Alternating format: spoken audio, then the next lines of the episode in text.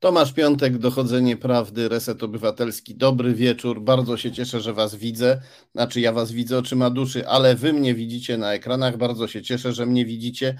Pozdrawiam bardzo serdecznie wszystkich, którzy oglądają, słuchają, komentują, lajkują, udostępniają. To bardzo ważne. To bardzo ważny, e, bardzo ważna forma wsparcia dla nas. No i bardzo gorąco dziękuję tym, którzy wspierają nas finansowo, wpłacając na konto Fundacji Arbitror albo na portalu zrzutka.pl, popierając nas lub też wspierając nas w serwisie Patronite, do czego bardzo gorąco e, zachęcamy. No i szczególne pozdrowienia dla naszego dzisiejszego sponsora obywatelskiego, czyli producenta wykonawczego, którym jest Meandrator L. Kochani, dzisiaj się będzie bardzo dużo e, działo. Będzie z nami gościć posłanka Hanna Gil-Piątek, zbieżność nazwisk nieprzypadkowa. Będziemy mówić o schronach atomowych, węglu otwockim, o E, o tym, jak się e, opłaca ludzi, którzy pomagają dokonywać putinizacji polskich mediów. Będziemy też mówić o kolejnym tajemniczym budynku w pobliżu Sejmu. Będziemy mówić o Morawieckim, który znieważa zachodnich sojuszników, nazywając ich bestią podczas putinowskiego spędu w Hiszpanii. Ale najpierw będziemy mówić o tym, co, mm, co chyba najbardziej z tego wszystkiego jeśli nie szokujące, to dojmujące, bo mówimy zasadniczo o bardzo poważnych, wszystkie tematy, które dzisiaj poruszamy są, lub prawie wszystkie są bardzo poważne. Może ten węgiel otwocki jest trochę niepoważny, ale też jest poważny. E, natomiast zacznijmy od tego, co najbardziej dojmujące. Poproszę naszą dzielną realizatorkę Angelę, która jest z nami i której bardzo dziękuję za prowadzenie tego programu od strony technicznej. Proszę Angelę, żeby pokazała nam e, film e, nagrany na granicy białoruskiej. Słynny film, który obiegł media społecznościowe, ale chcę go, chcę go przypomnieć, żebyśmy dobrze wiedzieli, o czym mówimy.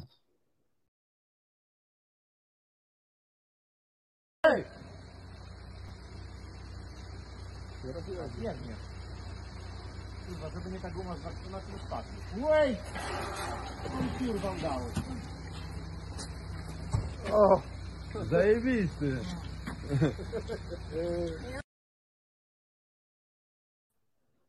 Tak, widzieliśmy ten film, najprawdopodobniej nagrany przez polskich pograniczników lub innych funkcjonariuszy, którzy yy, pilnują e, muru na granicy polsko-białoruskiej. Widzieliśmy człowieka, którego e, stopa, kostka e, tak, tak się zaplątała w drut żyletkowy, że, że wisiał głową do dołu podczas próby przekroczenia muru. Drut żyletkowy to nie jest drut kolczasty, który rani w ograniczony sposób. To jest drut żyletkowy rani do kości więc najprawdopodobniej temu e, człowiekowi po prostu kawałki mięsa e, wycinał ten drut pod jego własnym ciężarem, kiedy on tak wisiał.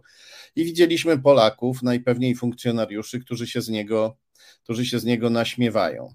E, to nam pokazuje, czym jest rzeczywistość na granicy białoruskiej, gdzie białoruskie i polskie do, służby do spółki zgotowały gehennę, zgotowały niewiarygodne cierpienia uchodźcom, po to, żeby Łukaszenko mógł mówić, że Zachód jest zły, a po to, żeby i po to, żeby PiS mógł mówić, że broni nas przed rzekomymi hordami najeźdźców. Widzieliśmy właśnie tego groźnego najeźdźcę, widzieliśmy człowieka, który potwornie cierpi, a z którego nasi rodacy się naśmiewają.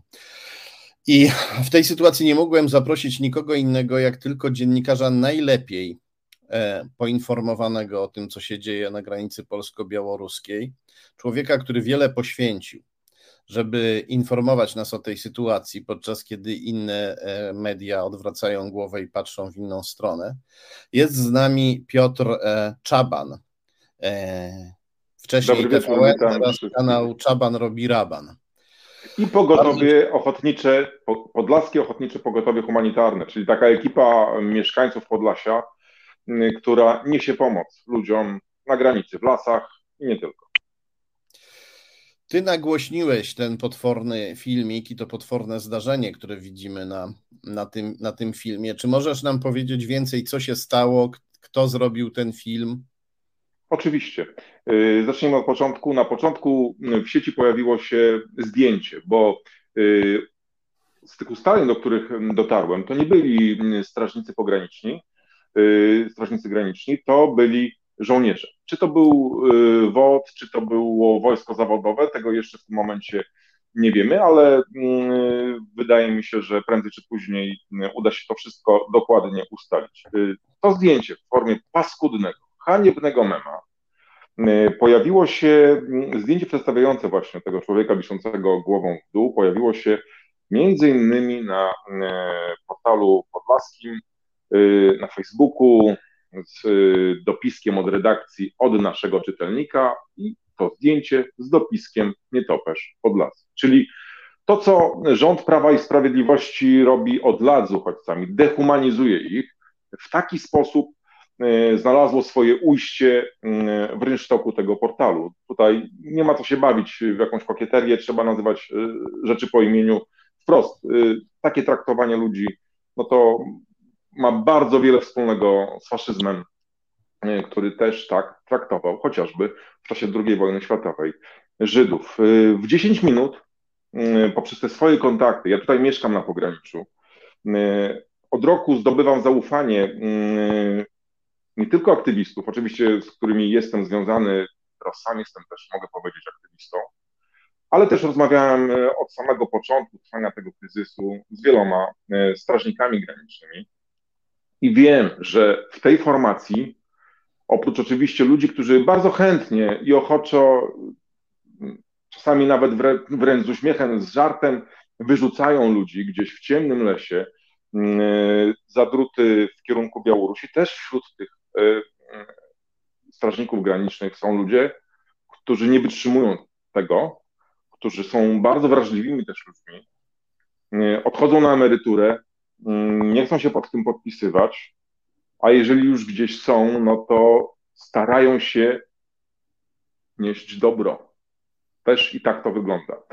I poprzez te właśnie swoje kontakty udało mi się zdobyć ten film.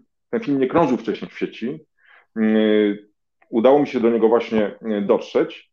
E, z informacją też, tak, e, został mi przekazany, że to wszystko zostało nagrane w okolicach Białowieży. Jeżeli się nie mylę, z nocy ze środy na czwartek. I oprócz tego, oprócz tego nagrania, oprócz tamtego też zdjęcia, bo na początku wydawało się, że ten haniebny mem z tym nietoperzem podlaskim Y, że to był screen z tego filmu, ale po dokładnym przyjrzeniu się widać, że nie, że najpierw ten człowiek został wiszący głową w dół, wplątany w tę koncentrynę, czyli w ten żyletkowy drut, o którym opowiadałeś. On najpierw był sfotografowany, później sfilmowany i ci żołnierze, którzy temu się przyglądali i to nagrywali, zamiast zamortyzować ten upadek w jakikolwiek sposób, przyglądali się, śmiali się wulgarnie. Nie, nie, zrobili sobie sesję taką, obfotografowali, sesję. nakręcili Oprócz film. tego, oprócz, tak, oprócz tego otrzymałem też y, inne zdjęcie przedstawiające identyczną sytuację. Ja to zdjęcie udostępniłem też y, w swoich mediach społecznościowych, pokazujące też dokładnie y, o innej porze dnia innego człowieka, dokładnie tak samo zaplątanego w tę koncentrynę i wiszącego głową w dół. To nie jest pierwszy przypadek. Ale też taka smutna refleksja, bo zauważmy, Tomku, że tak naprawdę mm, media wróciły do granicy, czyli do tematu tego kryzysu humanitarnego na pograniczu polsko-białoruskim właśnie z powodu tego filmiku. Bo to wszyscy się złapaliśmy za głowę. Jejku, to tak wygląda, to jest takie straszne. A ja powiem, a co przez rok się działo? Zapytam, tak? Co się tutaj działo? To, to szczerze powiedziawszy, to tak naprawdę bardziej hardkorowe, bardziej dramatyczne sceny tutaj się rozgrywają od roku, niż to, co zobaczyliście, drodzy Państwo, na tym filmiku. Bo tutaj giną ludzie, umierają ludzie i to nie jedna, dwie, trzy osoby. Umiera cała rzesza i nie do wszystkich docieramy. Staram się tutaj wspólnie też z moimi przyjaciółmi ustalać tożsamość tych, którzy zmarli. Po polskiej stronie docieram do świadków, do osób, które były świadkami śmierci. I to nie jednej, kilku.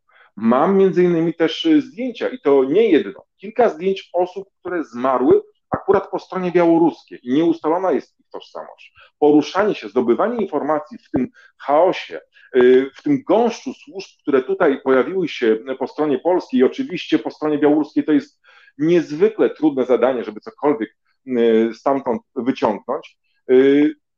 My, ci ludzie, którzy tutaj są na tym Podlasiu, zostaliśmy sami z tym tematem. A Polska, świat przypomniały sobie o nim kiedyś z okazji Usnarza, a Usnarz nie był tym pierwszym takim wstępem do tego, co już się działo na naszej granicy. Później były dzieci z Michałowa, teraz jest ten film. Jest uwaga mediów przykuta. A tak naprawdę te straszne rzeczy dzieją się tutaj na co dzień. Tak jak mówiłem, tak jak wspominałem, y, strażnicy graniczni, y, którzy spotykają y, ludzi, ludzi, bo to czy uchodźcy, czy emigranci w lesie tych ludzi spotykają i też niektórzy starają się nieść im pomoc, a niektórzy zachowują się nie tylko tak jak na tym filmie, ale potrafią na przykład, jeżeli człowiek, jest historia, jest historia, przepraszam za swoje emocje, ale, ale po prostu niech, ja mówię, niech to będzie wyrzutem sumienia. To, że my do tego tematu wracamy w momencie, kiedy po prostu pojawia się takie nagranie. A jak się pojawiały trupy po naszej stronie, udawaliśmy, że, że tego nie ma. No i Dlatego, mówisz, uwaga, tak, mówisz uwaga przykuta, ale ona jest przykuta na chwilę, bo jutro się na znowu chwilę, zajmiemy czymś innym. Na chwilę. Zajmiemy mówiłeś, się czymś innym. Mówiłeś też o tożsamości. Czy możemy mówić o tożsamości tego e, chłopaka? Bo do mnie e, zgłosił się ktoś, kto przedstawił się jako jego wuj. Tak, tak. Wiem, Tomku, że do ciebie zgłosił się wujek e, Mohameda Sabaha, z którym też jestem w kontakcie. Te, też oni... ten, ten, chłopak, który spadł z muru, nazywa się Mohamed Sabah. Tak? Nie, nie możemy tego stwierdzić w tym momencie z całą pewnością. Ja, ja już wszystko tutaj po kolei wytłumaczę. W listopadzie ubiegłego roku zaginął innymi na pograniczu polsko-białoruskim Mohamed Sabah, młody chłopak z Iraku, kurt iracki. Y, zniknął po nim wszelki ślad. Jego rodzina od samego początku szukała go, kontaktowała się innymi też ze mną. Y, zamieszczaliśmy informacje o nim, dopytywaliśmy też tych uchodźców, którzy pojawiali się na naszej granicy, czy widzieli go. Nie było po nim żadnego śladu. Latem tego roku wujek przyjechał do Polski, do Białowieży, gdzie między innymi z Karoliną Mazurek i z Mariuszem, y, znanym jako człowiek lasu, spotkaliśmy się z wujkiem. Zgłosiliśmy oficjalnie wspólnie jego zaginięcie na posterunku policji w Hajnówce, na komendzie powiatowej policji w Hajnówce. Byliśmy tam, gdzie wskazywała, gdzie była podana jego ostatnia lokalizacja. Żadnego śladu, żadnego śladu nie było, jak kamień chodu. W międzyczasie, mm, kilka tygodni temu, udało się dotrzeć do zdjęcia z tych zamieszek, które były w listopadzie też ubiegłego roku pod Kuźnicą. Tam na takim zbiorowym zdjęciu pojawił się ten chłopak. On był. Udało się Y, zidentyfikować, że on tam był, ale co dalej, nie wiadomo. To był ważny ślad. No i tutaj udostępniając y, y, tego mema, tak, to zdjęcie, ten filmik, rodzina Mohameda Sabaha bardzo pilnie przegląda między innymi moją stronę na Facebooku. Wszelkie doniesienia tutaj z pogranicza analizują. I jeszcze tego samego dnia, kiedy udostępniłem to zdjęcie, ten, ten filmik z, te, z tym człowiekiem wiszącym głową w dół, też zastanawiając się, mając, mając też wyrzuty, że udostępniłem, nie zamazując twarzy tego człowieka. Po prostu u, użyłem print screenu z tego portalu, który y, y, zamieścił tego, mówię, haniebnego mema i pokazałem, proszę bardzo, tak do tego doprowadziliśmy w Polsce, do, do takiego zła, że, że to się staje normalną rzeczą, że, że jakiś portal takiego mema wypuszcza, ale paradoksalnie dobrze się stało, że nie zamazałem tej twarzy, bo y, rodzina Mohameda Sabaha w tym wiszącym głową w dół mężczyźnie rozpoznała właśnie swojego bliskiego, tego, którego poszukuje od dziewięciu miesięcy. Rodzina jest przekonana w stu procentach, że tym człowiekiem jest Mohamed Sabah. Ja, badając te różne sprawy tutaj na granicy, y, nie mogę powiedzieć, że rzeczywiście na pewno to jest Mohamed Sabah. To zdjęcie nie jest do końca wyraźne, ale tutaj trzeba oddać rodzinie, która na pewno zna sylwetkę, zna twarz, każdy szczegół twarzy y, Mohameda, że może mieć rację. Ja dodatkowo jeszcze się powtórzę takim przykładem, y, kiedy to też y, wspólnie z zacnym, wspaniałym człowiekiem z Białowieży, Rafałem Kowalczykiem, profesorem, naukowcem, zorganizowaliśmy akcję poszukiwawczą ciała Jemeńczyka Ahmeda. Wówczas obowiązywał stan wyjątkowy i ja, nie mieszkając w tej strefie, gdzie znajdowało się ciało, poprosiłem właśnie Rafała, by udał się w to miejsce i sprawdził, czy pod tą lokalizacją jest ciało, czy nie jest. Rafał tam się udał i odnalazł ciało Ahmeda wówczas z Jemenu. Nagrał filmik, musieliśmy go y, zarchiwizować, bo nie mamy żadnego zaufania do tych służb tutaj na granicy. Nie mamy. Musimy mieć sami dowód, że rzeczywiście, jeżeli jest znalezione ciało, to y, musimy to, to, to, to, nagrać, zdokumentować i wtedy zgłaszamy policji. To policji tutaj y, zaufanie mam i wierzę, że jeżeli policja dotrze do jakiegoś ciała, to wtedy wiemy o takim przypadku, bo tutaj już y, postępowanie prokuratorskie wchodzi w grę, wtedy się pojawiają komunikaty. Co do Straży Granicznej zaraz, i zaraz, wojska... Ja przepraszam, że ci przerwę. Mhm. Czyli z tego, co mówisz, to ja z, ostatniego zdania zrozumiałem, że jeśli Straż Graniczna lub wojsko lub WOT znajdzie ciało w polskim lesie, to nie ma postępowania prokuratorskiego? Nie mogę tego powiedzieć e, z całą pewnością.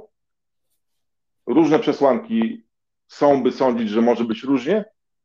Na pewno dystans mam i tego swojego braku zaufania nie kryję. Nie kryję nawet Ale ostatnio poszukiwań. Tylko chciałem tylko, tylko zaraz, zaraz Tomku do tego wątku wrócimy, jeżeli mogę tylko dokończyć, bo tak, tak. E, wówczas e, informując o śmierci Ahmeda z Jemenu, nie zamieszczałem żadnych jego zdjęć z odnalezienia w lesie, ale odnalazła mnie też jego rodzina. I rodzina za wszelką cenę chciała zdjęcie ciała, żeby potwierdzić, że to na pewno jest Mohamed.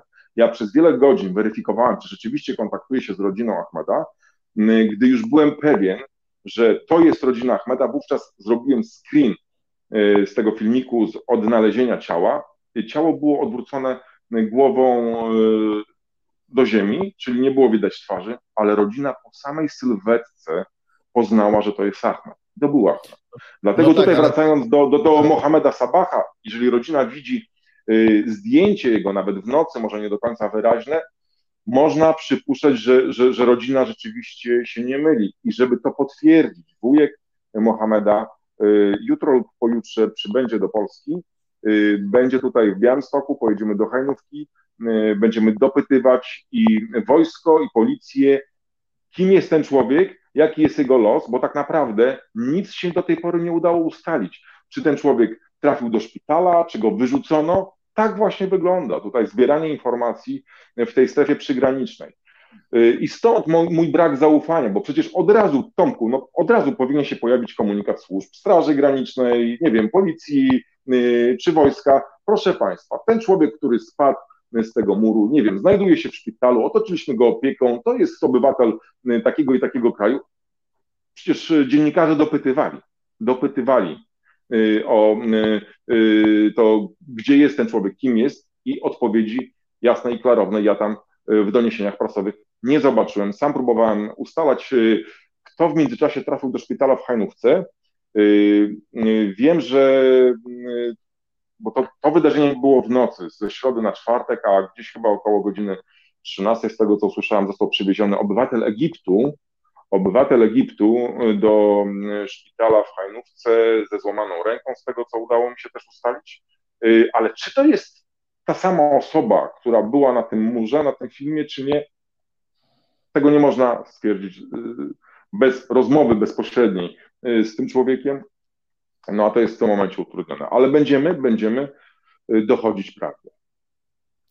Czyli e, wracając do tego, o co pytałem, jeżeli, czyli e, jakby to powiedzieć, czy robi się też push, pushbacki, czy wypycha się z powrotem na zagranicę białoruską również zwłoki, czy się przerzuca je przez mur na przykład?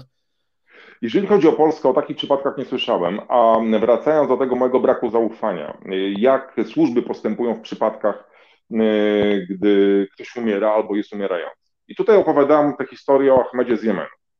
Y, Ahmed z Jemenu 15 lutego, tutaj tak mówię z pamięci, był w grupie razem z Syryjczykami, z kobietami, z dziećmi, z mężczyznami, bodajże trzech mężczyzn, trzy kobiety, troje, dwoje dzieci Ahmed był jedyną osobą, która nie znała się do końca z tą grupą, oni się tylko przez dzień ze sobą znali. Wędrowali z, przez Puszczę Białowieską. Piąta rano. Ahmed przewraca się, wpada do bagna, do wody. To jest zima, jest mróz. Trwa walka o wyciągnięcie go, o ogrzanie. Niestety umiera. Około południa, około południa umiera. Grupa Syryjczyków, przerażona, przerażona tym faktem, nie wie, co ma co zrobić. Wychodzi, wychodzi z lasu, ujawnia się, podchodzi do Straży Granicznej i mówi, tam, tam, tam jest ciało naszego przyjaciela. Tam jest ciało naszego przyjaciela. Proszę, pójdźcie, dajemy wam lokalizację, gdzie leży ciało, a nas proszę zabierzcie do szpitala. Potrzebujemy pomocy medycznej co się dzieje? Ta grupa Syryjczyków nie trafia do szpitala. Jest wyrzucona na Białoruś przez druty. Nigdzie w żadnych dokumentach Straży Granicznej, bo o to pytałem Straż Graniczną, nie ma odnotowanego tego pushbacku, tej wywózki. Skąd to wie?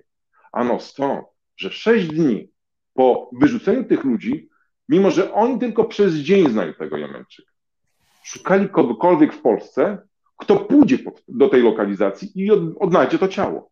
I w taki Aha. sposób ta grupa odnalazła mnie. W taki czyli, sposób ta grupa odnalazła mnie. Czyli pogranicznicy ja po prostu, po prostu zostawiają nie, zwłoki w bagnie. Nawet tego w ogóle nie zweryfikowali. A ja po prostu zastanawiałem się, co zrobić, co zrobić, żeby dotrzeć y, do, do tej lokalizacji i zweryfikować. A jak chociażby ta historia pokazuje, nie można mieć zaufania w takich przypadkach do służby, jaką jest Straż Graniczna bo jak się okazało, tam było ciało. A gdy grupa Syryjczyków informowała o tym Straż Graniczną, nikt nie poszedł, nie sprawdził tego, a ta grupa została wyrzucona. Oni się skontaktowali ze mną i opowiedzieli mi całą historię. Inny przypadek z gminy Czeremcha, gdzie y, w tej gminie też przebywało w lesie dwóch braci. Jeden y, źle się czuł, nie mógł iść. Młodszy brat też się ujawnił Straży Granicznej, poprosił o pomoc został wyrzucony, a po trzech dniach jego brat został odnaleziony martwy. Jest teraz pochowany w Wólce Terechowskiej w gminie e, Czeremcha. E, przez bardzo długi czas e, służby nasze nie potrafiły nawet odnaleźć jego tożsamości. Poinformowałem o tym po swoich ustaleniach prokuraturę, policję. Rodzina rozpoznała po zdjęciu zrobionym przez techników kryminalnych swojego brata. Także tak to wygląda. Może człowiek nieżywy gdzieś być tutaj w lesie, y, na polu, mogą jego bliscy towarzysze zgłaszać to służbom, taki przypadek, to się może niczym nie zakończyć. Stąd jest mój brak zaufania. Zbyt dużo tutaj przez ten rok ostatni widziałem rzeczy na pograniczu, żeby yy, yy, śmiało iść i zgłaszać każdy problem. No przecież nie po to nas wyrzucono z tej strefy przygranicznej. Nie po to stworzono ten stan wyjątkowy, zabroniono przyjeżdżania mediom y, czy też y, organizacjom humanitarnym y, w strefę, która sięgała czasami nawet kilkanaście kilometrów od granicy. To, to nie, było, nie był kilometr, dwa, trzy. No, my, my jakoś się poddaliśmy, społeczeństwo powiedziało, no cóż, trudno, nie wnikajmy. Nie było tam specjalnie zbyt wielu dziennikarzy, którzy szli i patrzyli, co tam się tak naprawdę dzieje. Ale... To jest zgroza, a ten filmik jest symbolem tego, co od roku się dzieje, co z nami, co ze społeczeństwem zrobił rząd, ze swoją narracją, Ale dehumanizując od... tych ludzi.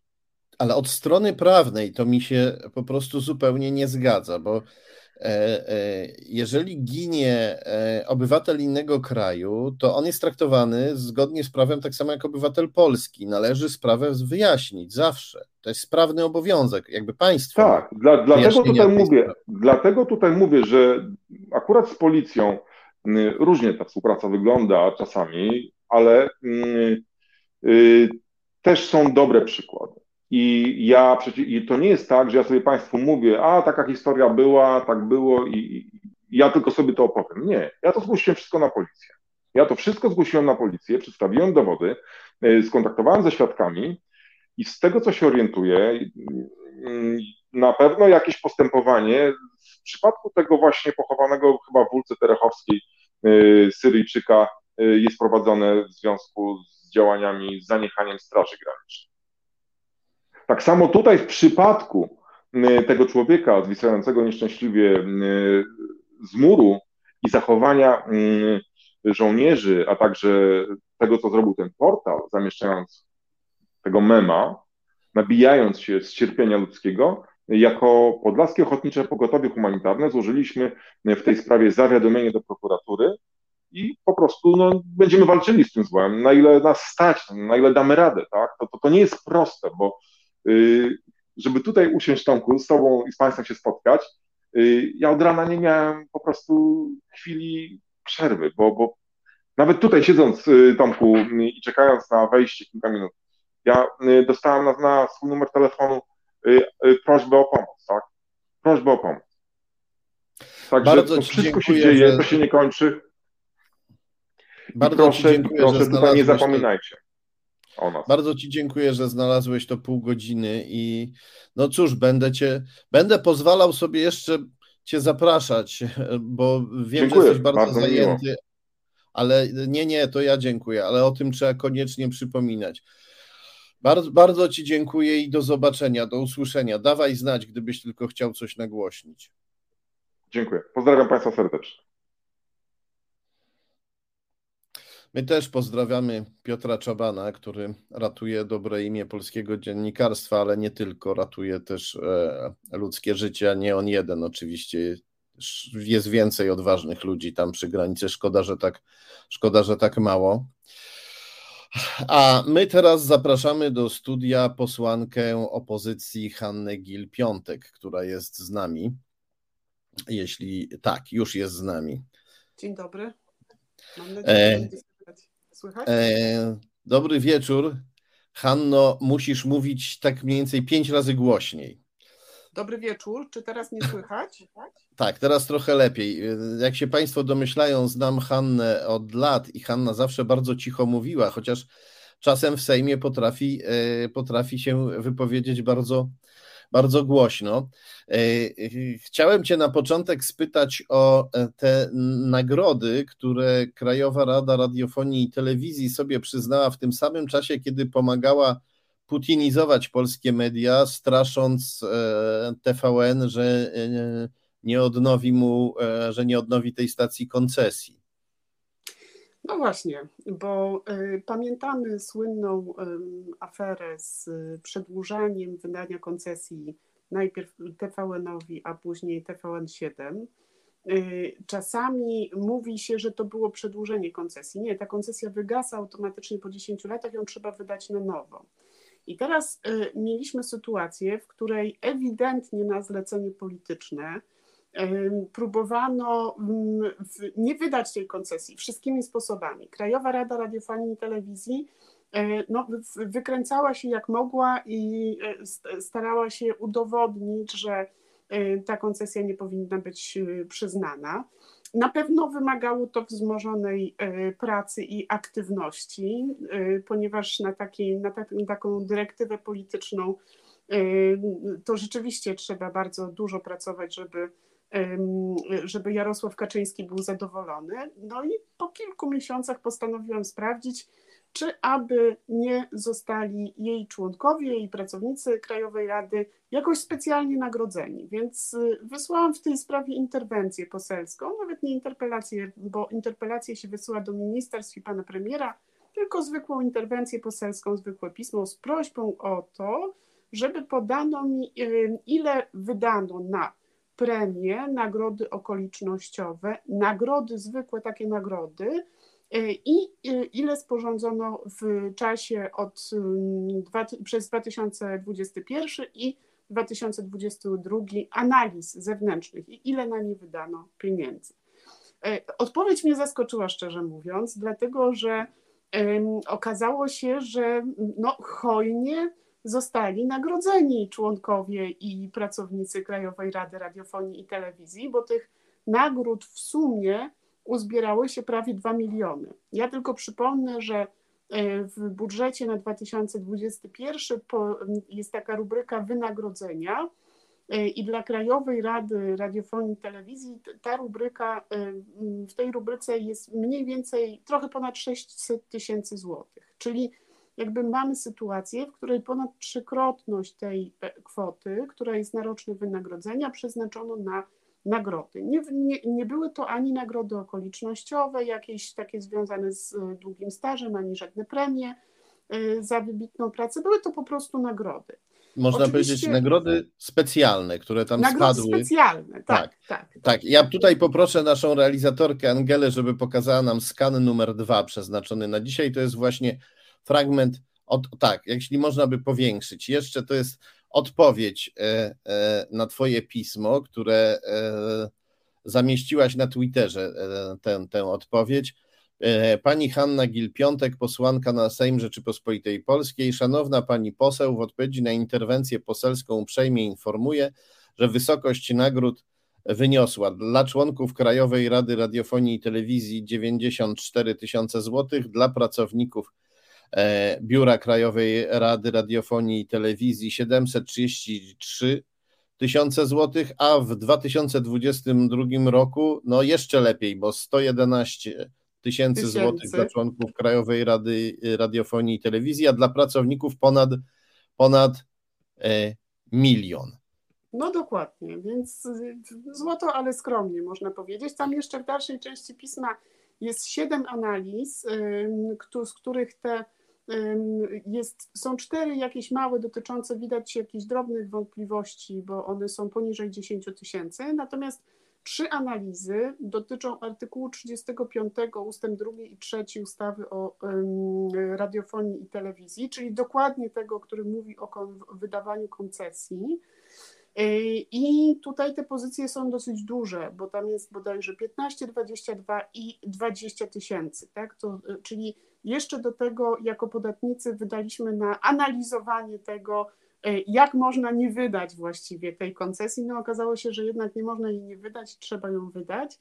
Ta koncesja w końcu jedna i druga została wydana, no ale ewidentnie są to, są, są to takie srebrniki za niszczenie wolności mediów w Polsce, bo Przypomnijmy, że taka powolna urbanizacja y, mediów, która dokonała się na Węgrzech, postępowała właśnie w ten sposób. To znaczy, najpierw, y, znaczy, że jednym z elementów tej e, urbanizacji i przejęcia y, tam w całości w, w całości ca, jakby całego przekazu, opanowania całego przekazu przez Orbana, było między innymi zamykanie y, właśnie głosu tych niezależnych stacji, rozgłośni, które jeszcze jeszcze na Węgrzech były. No i w tej chwili ten przekaz tam jest kompletnie zdominowany, a uważa się, że, że, że brak wolnych mediów jest to y, jedno, jeden z głównych powodów, dla których y,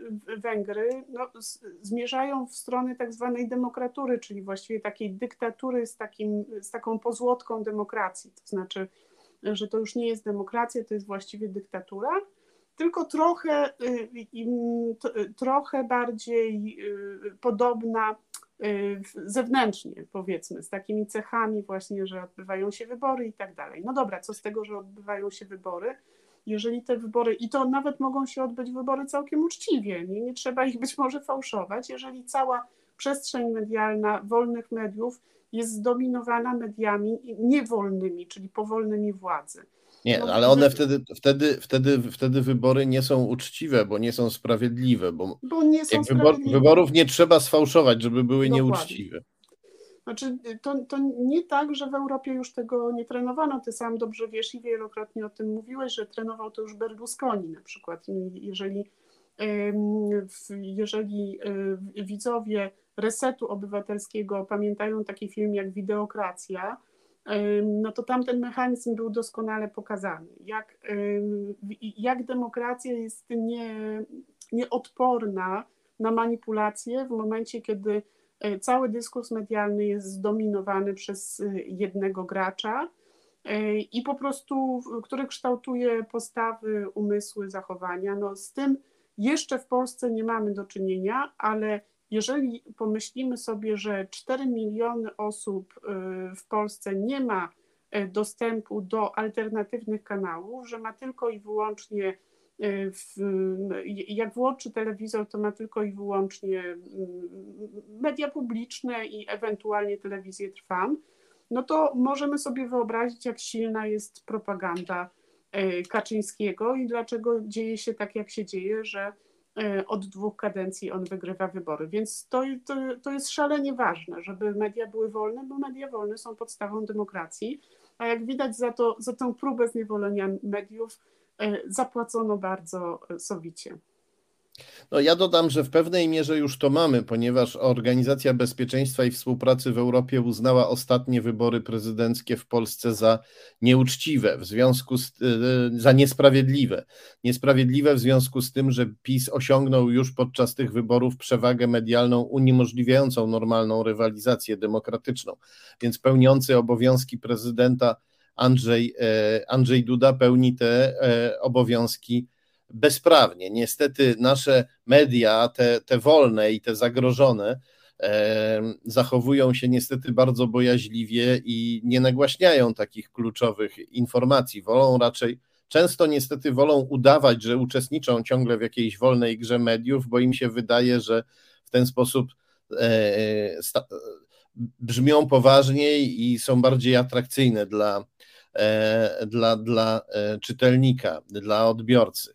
Boją się przyznać, że mogą przegrać na przykład i że może się w Polsce demokracja skończyć, no bo nikt nie chce się utożsamiać z przegrywami, z przegrywającymi, niestety.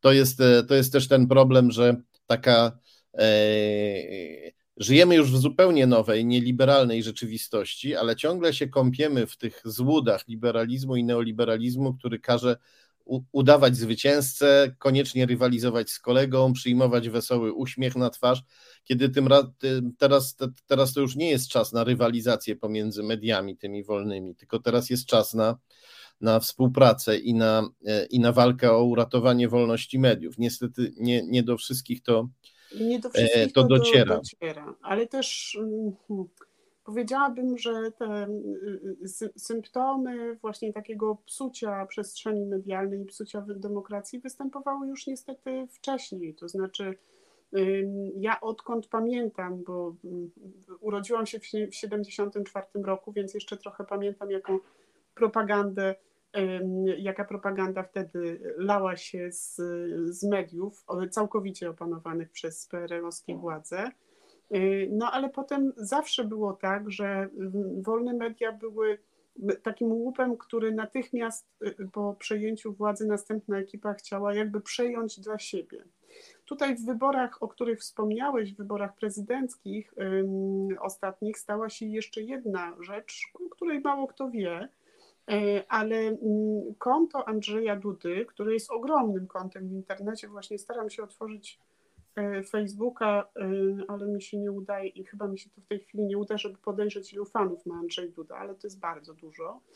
Zostało wyczyszczone i to szło w dziesiątkach tysięcy i prawdopodobnie było robione ręcznie, bo specjaliści od internetu, od social mediów mówią, że tego się nie da zrobić automatycznie, ale zostało wyczyszczone z tak zwanych martwych kont, czyli martwych lajków, żeby jego jakby ekspresja i, e, i dotarcie było większe.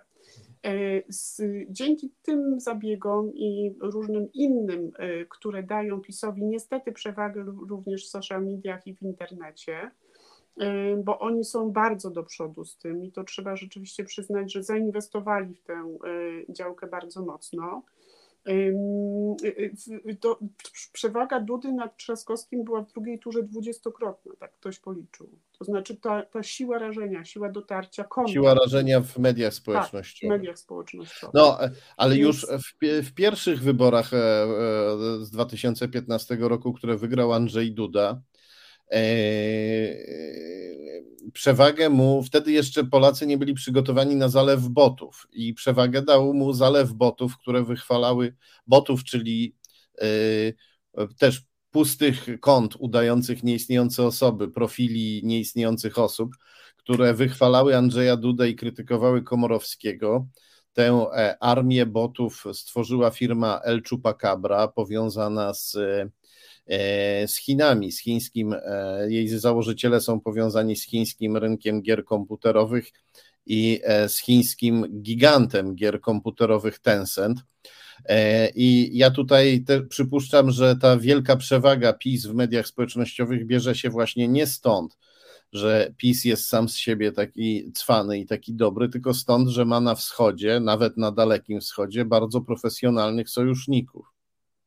Znaczy, to, to rzeczywiście mm, może być prawda, ale z drugiej strony ja bym szukała tych, tych wpływów w o wiele bliższej odległości niż y, daleko w Azji. Myślę, że w tej chwili y, taką dominującą nutą, i to widać w, social mediach polskich, nawet y, u nas na kontach polityków pojawia się mnóstwo botów z różnymi komentarzami, ale jednak temu pierwszeństwo, jeżeli chodzi o psucie e, przekazu, no mają rosyjskie wpływy. I tutaj nie, nie, bez żadnych wątpliwości to, że 40% kont antyszczepionkowych natychmiast zmieniło się w konta antyukraińskie, to, że mamy szerzącą się naprawdę dezinformację i to, że jesteśmy w tej chwili bezbronni, bo kiedy mówimy o na przykład obronie cywilnej, o czym pewnie zaraz będziemy rozmawiać, y, to mówimy o takich materialnych rzeczach, o nauce strzelania, o dostępie do broni, o lekcjach w szkołach, nie wiem, zakładania maski gazowej, bo to się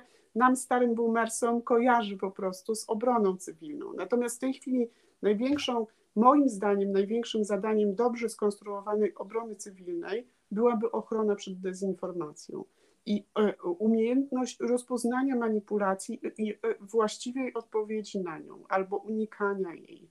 Ale to ma dwa końce, dlatego że wtedy społeczeństwem świadomym nie da się manipulować, a to PiSowi niestety nie jest na rękę. To nie jest na rękę żadnej władzy, która chce w nieuczciwy sposób jakby mieszać w głowie ludziom, e, no bo wtedy, rzecz jasna, łatwiej stosować takie proste propagandowe triki i w, w sposób absolutnie e, przewidywalny wprowadzać różnego rodzaju, nie wiem, krzywdzące czy e, dzielące społeczeństwo narracje, jakby zarządzać konfliktem społecznym, a przez to zarządzać społeczeństwem.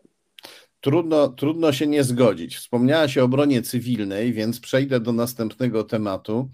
E, ja e, uważam, że prawdopodobieństwo użycia broni jądrowej w tej chwili, na przykład przez Putina, jest ciągle znikome, szczególnie na terenie NATO, ale niczego nie wykluczam, no bo Putin eskaluje, ciągle eskalu, eskaluje sprytnie, krok po kroku, zwiększa napięcie, w którym żyjemy, e, więc nie wiadomo do czego może dojść za, za jakiś czas.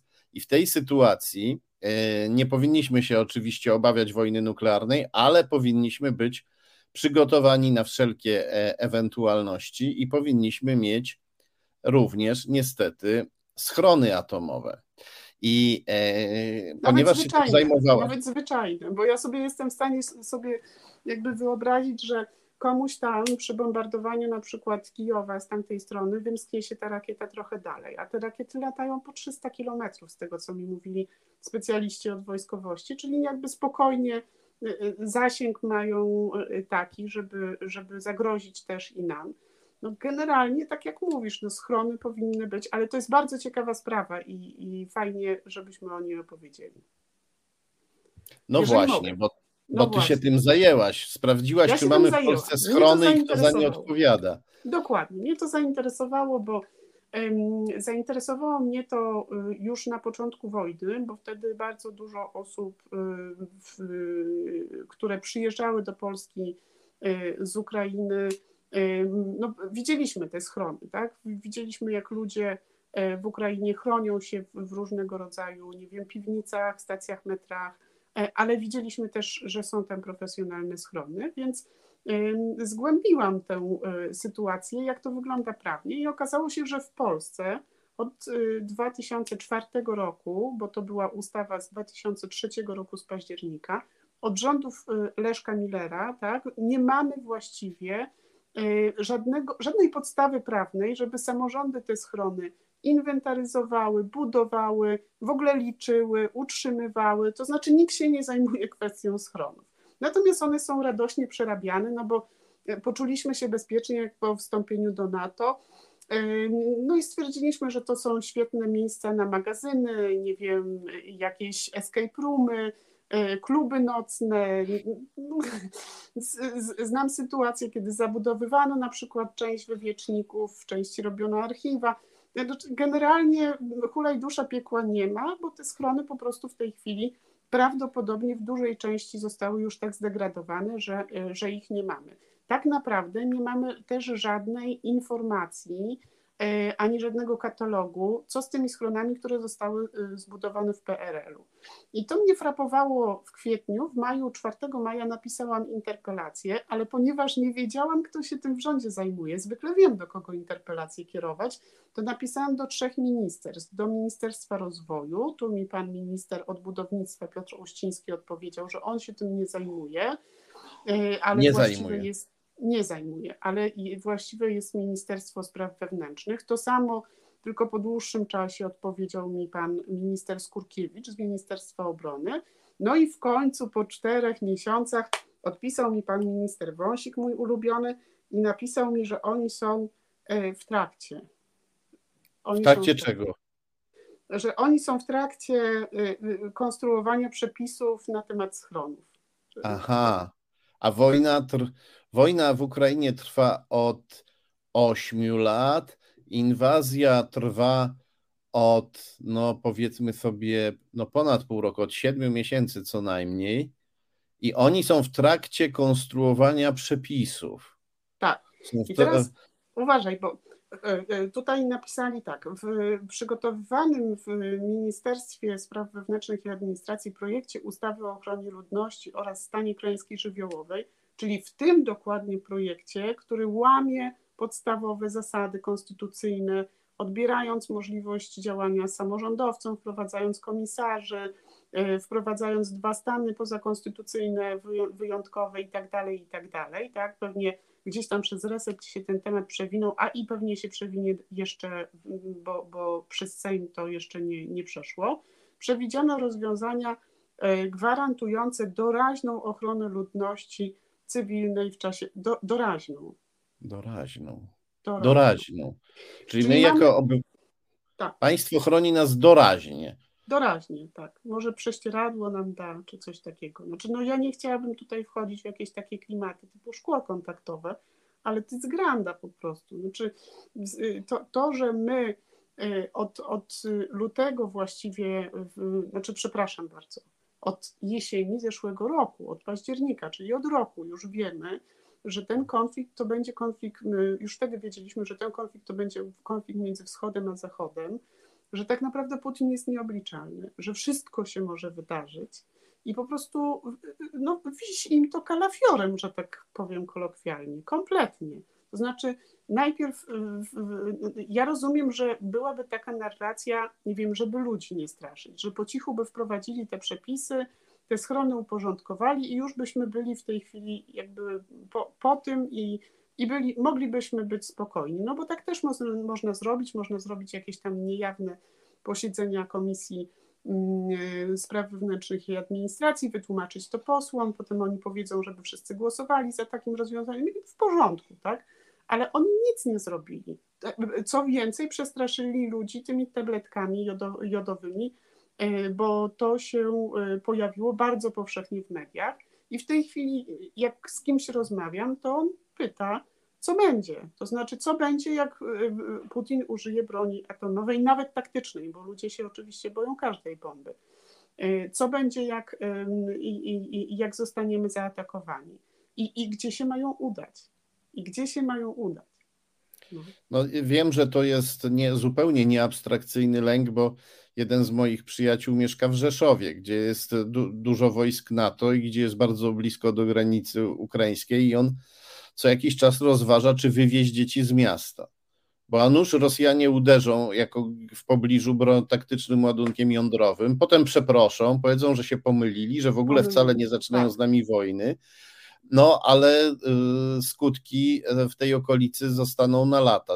Jedni zginą z powodu bomby, inni z powodu promieniowania, które zostawi, no będzie, y, choroby będą trwały przez dziesięciolecia z tego, z tego powodu. To jest przerażające. E, to jest przerażające. Jeden z naszych komentatorów, Tomasz Szyndralewicz, y, przewiduje, że rząd rozwiąże to za pomocą akcji podobnej do e, akcji z oczkami wodnymi, czyli pod hasłem obywatelów wykup, wy, wykop se schron. Wykop sobie sam.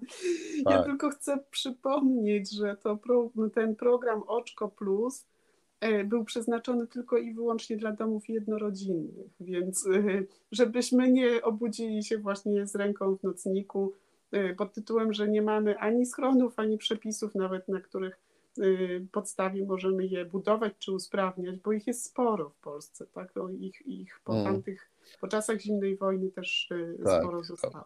Obywatelu, schowaj się w oczku wodnym, a gdy bomba spadnie, to się ugotujesz. Można by to tak rozwinąć.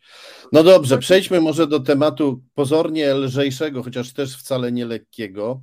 E, jesteś słynna jako osoba, która ujawniła tak zwany węgiel otwocki, ale zanim do tego przejdziemy, poproszę naszą dzielną realizatorkę Angelę, żeby pokazała nam drugi z filmików przeznaczonych na dziś, filmik, który e, ściągnęliśmy sobie z, e, z TVP, proszę Państwa. Po raz pierwszy chyba zacytujemy filmik TVP w resecie obywatelskim.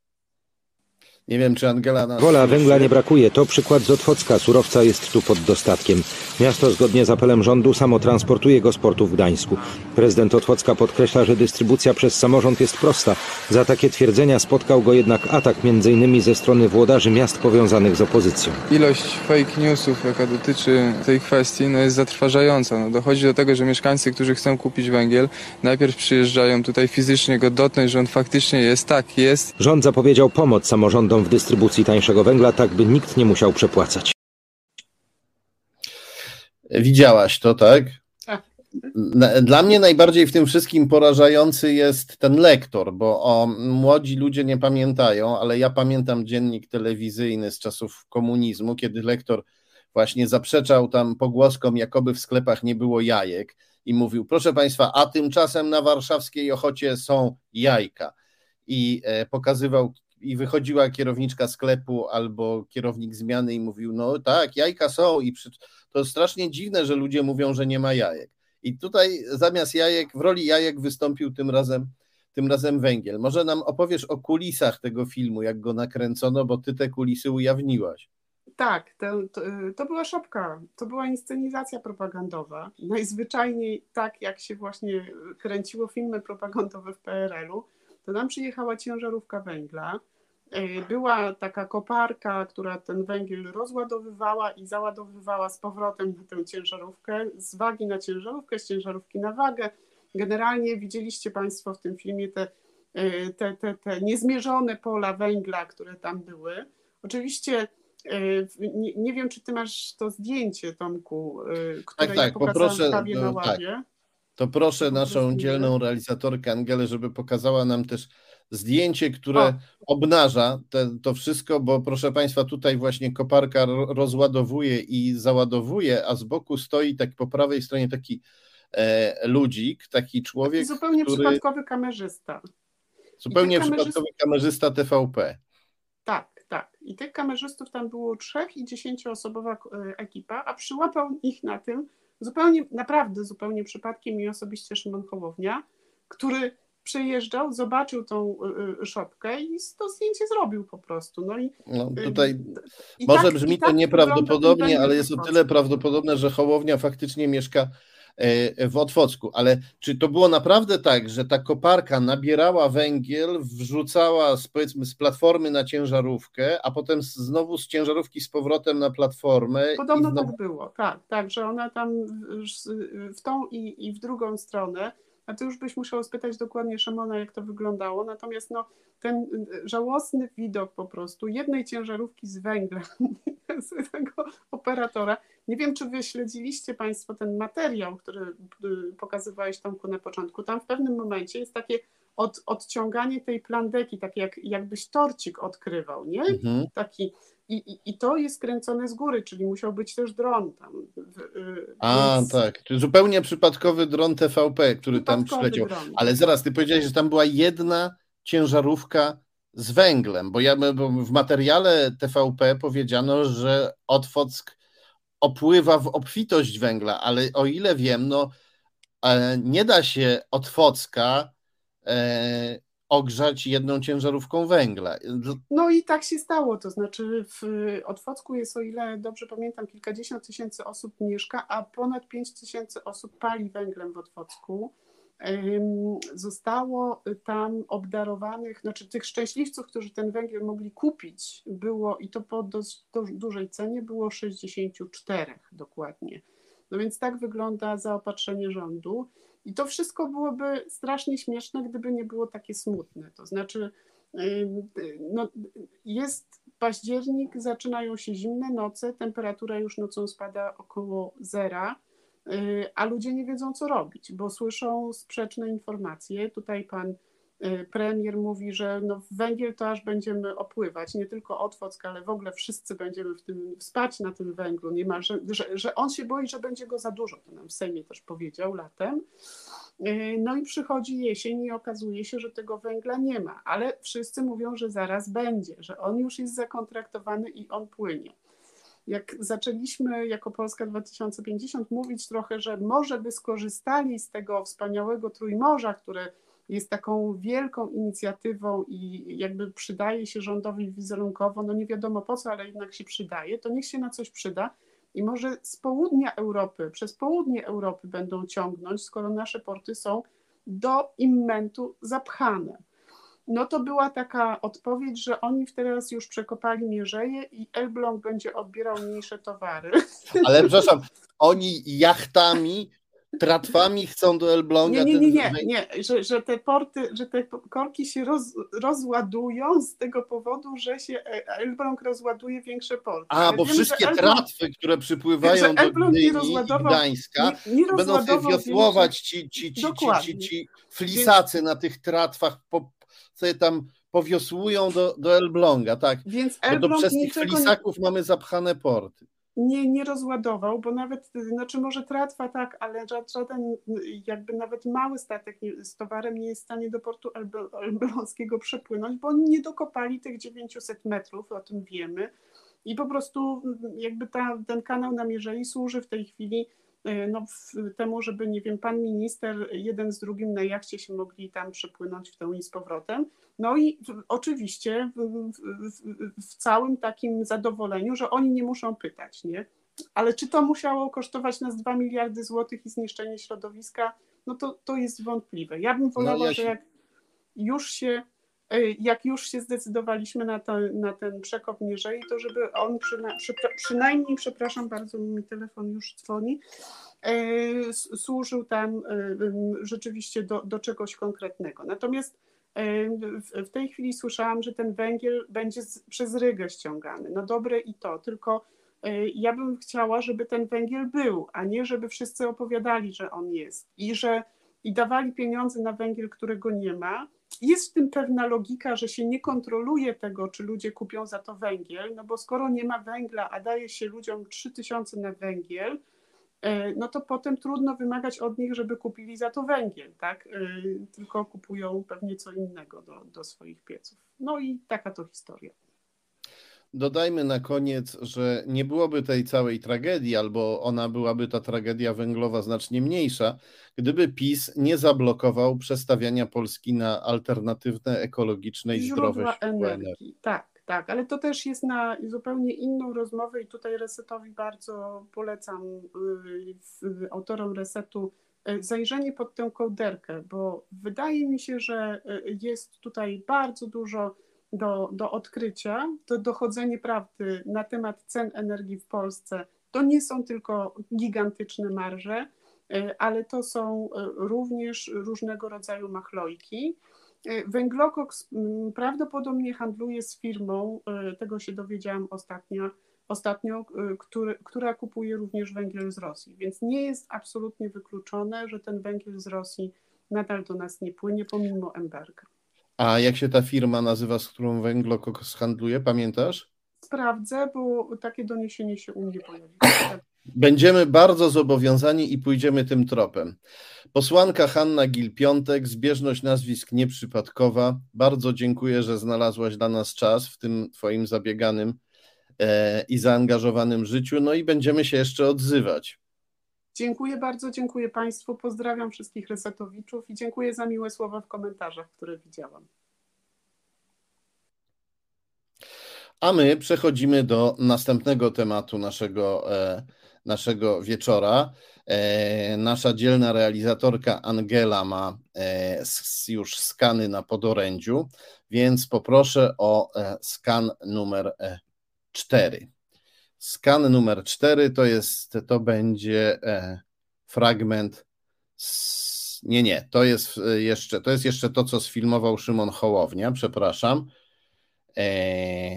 Skan numer 4 to będzie fragment z serwisu Google, to będzie e, fragment mapy z, e, z serwisu Google Map w wersji Google Earth.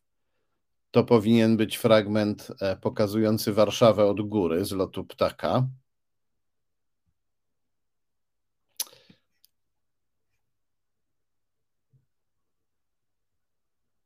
Coś nam się chyba nie udaje. No dobrze, to Angela w tym momencie szuka skanu, a ja przypomnę, o czym mówiliśmy w poprzednim programie, bo te dwie sprawy się wiążą. W poprzednim programie mówiliśmy o tym, że tuż przy Sejmie znajduje się budynek, e, budynek przy ulicy Aleja na Skarpie 17, gdzie mieści się chińskie centrum e, lobbyingowe i być może nie tylko lobbyingowe. E, należące do e, firmy, której prezesem jest e, Chinka współpracująca z reżimem, pani Jacialin Iwanejko. Iwanejko to po mężu, a Jacialin to jej chińskie nazwisko. A firma należy do pana Romana Dordy, polskiego obywatela, który mieszka w Mołdawii i który e, za czasów komunizmu działał w komunistycznej służbie bezpieczeństwa. No i tak się składa, że 10 metrów dalej, po drugiej stronie ulicy, jest kolejny bardzo tajemniczy budynek, również o powiązaniach e, pośrednich esbeckich i mołdawskich. Poproszę o powiększenie tego skanu, jeśli damy radę. Tak. E, to jest budynek przy ulicy Franciszka Nullo 2. Jak widać, Sejm Rzeczpospolitej Polskiej i Senat jest tuż obok. Jakieś kilkadziesiąt metrów dalej kończy się teren Sejmu i Senatu Rzeczypospolitej Polskiej, więc mówimy o takim terenie, który powinien się znajdować pod szczególną ochroną e, naszych służb, włącznie z kontrwywiadem. E, jak mówiłem w poprzednim odcinku, nie jest fajne to na przykład, że chińscy lobbyści, lobbyści E, lobbyści e, nieprzyjaznego mocarstwa mają tak blisko do naszych posłów, również ze względu na to, że to ułatwia nie tylko lobbying, to ułatwia również inwigilację i uliczną, i, i elektroniczną. No ale e, Chiń, Chińczyków znaleźliśmy w innym budynku, tuż obok, ale za rogiem, można tak powiedzieć. Natomiast przy ulicy Franciszka Nullo 2 jest coś poniekąd innego. Poproszę o kolejne zdjęcie. Skan numer 5. Zaraz się powinien pokazać. Hmm. Mamy jakieś małe opóźnienia ze skanami. Jak widzę. Mamy jakieś małe opóźnienia ze skanami. No dobrze, to w takim razie może jednak zrobimy przerwę e, i zaraz wrócimy do naszej opowieści. A, nie, udało się, dobra, mamy skan numer 5. To jest właśnie zdjęcie tego budynku przy ulicy Franciszka Nullo 2. Ulica jest też znana jako ulica Francesco Nullo, no bo chodzi tutaj o e, e, włoskiego bohatera, niektórzy polonizują jego, jego imię. Tak wygląda ten budynek. On wygląda bardzo ciekawie, ponieważ on ma w oknach coś, co wygląda jak kamienne okiennice, takie płyty kamienne, które się czasem zamykają, czasem otwierają. Na dole, na parterze widzimy, że niektóre z tych płyt się odemknęły i okna są otwarte. Na innych piętrach okna są e, zamknięte, zamknięte tymi płytami wyglądającymi na kamienne, więc mamy do czynienia z budynkiem, który jest bardzo dobrze odizolowany od świata zewnętrznego na wypadek, gdyby ktoś chciał e, zajrzeć, włamać się, zbić szybkę i e, włożyć rękę do środka. No taka mała twierdza. Taka mała twierdza. Poproszę o e, kolejne zdjęcie, może tym razem uda się szybciej. Skan numer 6. Tak, to jest wejście do budynku. Też nie ma, nie, nie zauważyłem tam żadnej, ani nie udało mi się sfotografować tabliczki mówiącej na przykład, czym jest ten budynek, do kogo należy, co się w środku mieści. Jest e, tylko numer e, ulicy i numer domu i nazwa ulicy Franciszka Nullo 2. I poproszę o kolejne zdjęcie, żebyśmy sobie może zobaczyli E, z bliska, tak, te kamienne okiennice, czy wyglądające na kamienne, tak to wygląda. No, mm, taki niezwykły budynek, trochę jak grobowiec. No i kiedy się sprawdza w internecie, to można się dowiedzieć, co, co w tym budynku się mieści. Do, no, do pewnego stopnia można się dowiedzieć. E, nie jest to dom pogrzebowy. Nie jest to e, jakieś laboratorium naukowe wymagające tego, żeby pokoje laboratoryjne ściśle izolować od świata zewnętrznego. E, mieści się tam firma, która produkuje, no jeśli Państwo chcą zgadywać, to proszę, e, to proszę pisać w komentarzach, ale może nie będę trzymał w napięciu, poproszę o skan numer 8. Otóż, proszę Państwa, pod tym e, adresem mieści się Warszawskie Biuro firmy Nałęczów Zdrój produkującej wodę e, Cisowianka. No i to trochę dziwne jest, bo zazwyczaj firmy tego rodzaju, szeroko znane, no to się e, reklamują jakoś na fasadzie albo chociaż przy drzwiach, e, przy wejściu do swojego biura zamieszczają tabliczkę. Ja takiej tabliczki nie zauważyłem, no ale w internecie można przeczytać, że biuro Cisowianki w Warszawie mieści się przy ulicy Franciszka Nullo 2. Cisowianka, no cóż, jak wiemy, nie jest firmą wolną od politycznych skojarzeń. Poproszę o kolejny skan. To jest fragment e, artykułu. To będzie zaraz. O tak, to jest to, co widzimy. To jest fragment artykułu, gdzie e, czytamy o bojkocie Cisowianki, który e, rozpoczęła e, e, anty, e, która roz, którą rozpoczęła prokobieca, e, proaborcyjna grupa Szantaż z dala od szpitala. No proaborcyjna nie, nie powinno się mówić, bo to nie jest tak, że tu się promuje aborcję, tu się promuje wolność i e, prawa reprodukcyjne kobiet. Więc prokobieca grupa Szantaż z dala od szpitala rozpoczęła bojkot Cisowianki, bojkot podchwycony później przez partię Razem. Chodziło o to, że jeden z właścicieli, jedna z osób kontrolujących e, firmę produkującą cisowiankę, Paweł Witaszek jest e, wiceprezes, wiceprezes zarządu e, spółki Nałęczów Zdrój, jest też prezesem fundacji. Jest też prezesem fundacji, która zasponsorowała antyaborcyjną organizację lobbyingową Pro Prawo do Życia. My tę organizację bardzo dobrze znamy, mówiliśmy o jej rosyjskich powiązaniach, rosyjskich i postsowieckich, mówiliśmy o tym, że w tej organizacji e, zaczęła swoją działalność e, słynna Kaja e, Godek. Więc dlatego, że wiceprezes Cisowianki zasponsorował antyaborcyjną, antykobiecą organizację powiązaną z Kają Godek, dlatego wszczęto bojkot tej wody, e, tej wody mineralnej. E, no cóż, ale no postanowiłem się dowiedzieć, jak to jest z tą e, cisowianką, czy to do cisowianki, czy też do firmy Nałęczów Zdrój, producenta cisowianki, należy ten tajemniczy budynek przy Sejmie. I e, w pewnym momencie zacząłem mieć wątpliwości, czy w ogóle Cisowianka tam jest, ponieważ nie można się tam było dodzwonić. Dzwoniłem, dzwoniłem i nikt nie odbierał. Albo raz jak zadzwoniłem, to mnie w końcu przełączyło do e, miejscowości Drzewce, w której mieści się jakby siedziba główna Cisowianki, dość daleko od Warszawy. I tam mi powiedziano: No, proszę pana, tak to jest, że z tej Warszawy, z tej ulicy Franciszka Nullo, to tak często do nas przełączają telefony. Wreszcie dzisiaj po wielu próbach udało mi się dodzwonić, przez chwilę porozmawiać z recepcjonistką z warszawskiego biura Cisowianki. I tam pani mi potwierdziła, że faktycznie Cisowianka urzęduje w tym budynku, ale powiedziała, że nie zajmuje wszystkich pomieszczeń tego tajemniczego budynku i powiedziała, że nie ma pojęcia, co się znajduje w innych pomieszczeniach tego tajemniczego budynku. Wszystko to jest dziwne, e, jak również to, że Cisowianka tam się tak e, trochę ukrywa i że w ogóle nie widać, że tam ta cisowianka jest i że w ogóle nie wiadomo, co tam jest oprócz tej cisowianki, poza tą cisowianką. Więc co zrobiłem? Zajrzałem do księgi wieczystej. Zajrzałem do księgi wieczystej tego budynku. Poproszę o kolejny skan. Poproszę o kolej. Tak, i to jest informacja e, ze strony elektronicznej Księgi Wieczyste, gdzie czytamy, że e, budynek, tajemniczy budynek przy Sejmie należy do spółki Wolf Immobilien Polen spółka akcyjna. Brzmi to z niemiecka.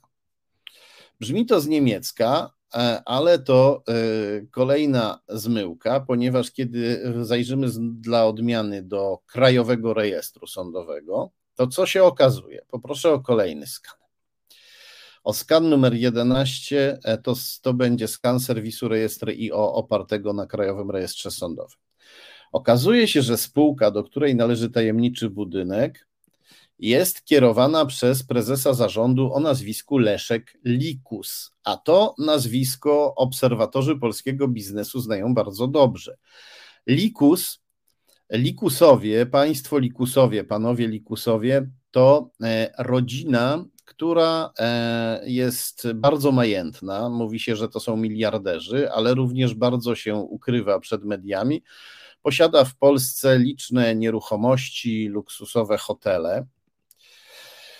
No dobrze, ale co, czego jeszcze się dowiadujemy? O, o, kiedy zaglądamy do Krajowego Rejestru Sądowego. Czego się jeszcze dowiadujemy poza tym, że ten budynek należy do firmy zarządzanej przez rodzinę e, Likusów? Poproszę o kolejny skan. Otóż e, w Krajowym Rejestrze e, Sądowym się dowiadujemy, że Likusowie, chociaż miliarderzy, a na pewno multimilionerzy, to jednak nie do końca posiadają ten budynek. Oni nim zarządzają, oni go nadzorują, to znaczy zarządzają i nadzorują firmą, do której budynek należy. E, Leszek Likus, jak widzieliśmy, jest prezesem. Na tym skanie widzimy, że Tadeusz e. Likus jest w Radzie Nadzorczej, Marianna Likus też jest w Radzie Nadzorczej, ale beneficjentem rzeczywistym, czyli właścicielem pośrednim tajemniczego budynku tuż przy Sejmie, jest ktoś, kto się nazywa Władimir Wachonin. Władimir Wachonin. Mieszkający w Polsce, jak widać po prawej stronie skanu, ta, ta biało-czerwona flaga po prawej przy słowie rezydencja oznacza, że ten pan mieszka na stałe w Polsce ale obywatelstwo ma inne. Widzimy tu inną zupełnie flagę po lewej stronie przy słowie obywatelstwo. Co to jest za flaga? Poproszę o skan numer 13. Tak, to jest flaga Mołdawii, kraju, w którym wpływy rosyjskie są bardzo silne ze względu na wielką rosyjskojęzyczną mniejszość i na to, i ze względu na to, że Spora część terytorium Mołdawii została bezprawnie oderwana od reszty kraju. Tam się znajduje tak zwana Republika Naddniestrza, twór nielegalny, istniejący dzięki e, rosyjskiej pomocy militarnej. E, rosyjska obecność e, militarna i obecność rosyjskich służb specjalnych w Mołdawii ma też taką no, dosyć straszną formę, polegającą na tym, że część kraju została po prostu de facto zagarnięta przez, przez Rosjan. I pan Władimir Wachonin z Mołdawii jest pośrednim właścicielem firmy, do której należy budynek, tajemniczy budynek tuż przy Sejmie. To jest, e, to jest bardzo interesujące. I to jest ciekawe, że, że Likusowie zarządzają, Likusowie, choć miliarderzy, zarządzają firmą, która pośrednio należy do kogoś innego pana, do pana Wachonina. Czyżby, czyżby był on jeszcze potężniejszy niż miliarderzy? Takie pytanie się nasuwa. Kim są e, likusowie, którzy e, zarządzają tym budynkiem? Poproszę o kolejny skan. To będzie, to tak, to co widzimy to jest fragment artykułu z dziennika Rzeczpospolita. który z artykułu pod tytułem Koncept likusów, gdzie jest mowa o początkach tej rodziny. Czytamy tam, że według różnych źródeł fortuna rodziny likusów zaczęła się od sprowadzania papierosów do Polski a, a także komputerów i, i ubrań. E, Wiesław Likus, twórca e, rodzinnej fortuny, sprowadzał najpierw komputery i ubrania z Azji, zarobił większe pieniądze i postanowił zainwestować w przemysł, w przemysł tytoniowy. Czyli właśnie nawet nie sprowadzał te, tych papierosów, tylko je w Polsce produkował. Sprowadzał komputery i ubrania, a potem produkował e, papierosy w Polsce. Ale w tym artykule znajdujemy jeszcze jedną ciekawą informację. Poproszę o kolejny skan. Skan numer 15. Czytamy, że w początkach e, swojej kariery Wiesław Likus e, e, w 1990 roku założył spółkę, która się nazywała Ruspol Import Export i założył tę spółkę razem z Rosjaninem z Charkowa, Dymitrem Buncerem. Rus, Pol, no nazwa mówi sama za siebie. Rus to Rosja, Pol to, to Polska. Spółka się dziś nazywa Axis Medica, zajmuje się sprzedażą hurtową i promocją e, farmaceutyków. Ale czytamy, że w tamtych czasach sprzedawała też wyroby tytoniowe, alkoholowe i E, paliwa. No jak wiadomo, paliwa sprowadza się, e, sprowadza się w Polsce przeważnie z Rosji, niestety. Więc e, tak wyglądały początki biznesowe tej rodziny, która teraz między innymi zarządza firmą, do której należy tajemniczy budynek tuż przy Sejmie. Firmą, która, której właścicielem pośrednim jest tajemniczy e, Władimir e, Wachonin z Mołdawii. E, co jeszcze wiemy o, czego jeszcze się dowiadujemy z Krajowego Rejestru Sądowego o rodzinie Likusów? W sumie niemal tak samo tajemniczej jak ten budynek przy Sejmie. Poproszę o kolejny skan. To będzie znowu skan z serwisu Rejestr IO. Widzimy tutaj, że Leszek Likus ten sam prezes spółki, e, do której należy tajemniczy budynek przy Sejmie, ten sam Leszek Likus e, zasiada w Radzie Nadzorczej spółki PT Dystrybucja. Nazwa spółki jest na samej górze tego skanu, tam gdzie jest ta, ta listwa na górze, gdzie jest adres internetowy. Leszek Likus e, nadzoruje spółkę PT Dystrybucja, a razem z nim przez 7 lat od 2009 do 2016 roku nadzoruje ją również Robert Trzaska. Robert Trzaska, zapamiętajmy sobie to nazwisko. Poproszę o kolejny skan. Znowu z serwisu rejestr IO, ponieważ w Krajowym Rejestrze Sądowym pana Trzaskę z, z rodziną Likusów znajdujemy również e, w firmie Browar Głupczyce. Jak widać na skanie, który właśnie nam się pojawił, pan e, Wiesław e, Likus jest w tej chwili prezesem browaru Głupczyce od 2018 roku, a wcześniej w latach 2004-2008 ten sam wspomniany wcześniej Robert Trzaska razem z Katarzyną Likus nadzorował te firmy. Kiedy zajrzymy głębiej do Krajowego Rejestru Sądowego, poproszę o kolejny skan. To widzimy, że e, likusów było w firmie Browar Głupczyce więcej. Oprócz Wiesława Likusa i Katarzyny Likus, widzimy, że e, działali tam od 2001 roku i działają do dziś Tadeusz Likus i znowu Leszek Likus, prezes e, firmy, do której należy tajemniczy budynek przy Sejmie. Więc jak widzimy, w dwóch firmach rodzina Likusów, co najmniej w dwóch firmach rodzina Likusów współpracowała z Robertem Trzaską. Kim jest ten Robert Trzaska? Poproszę o kolejny skan.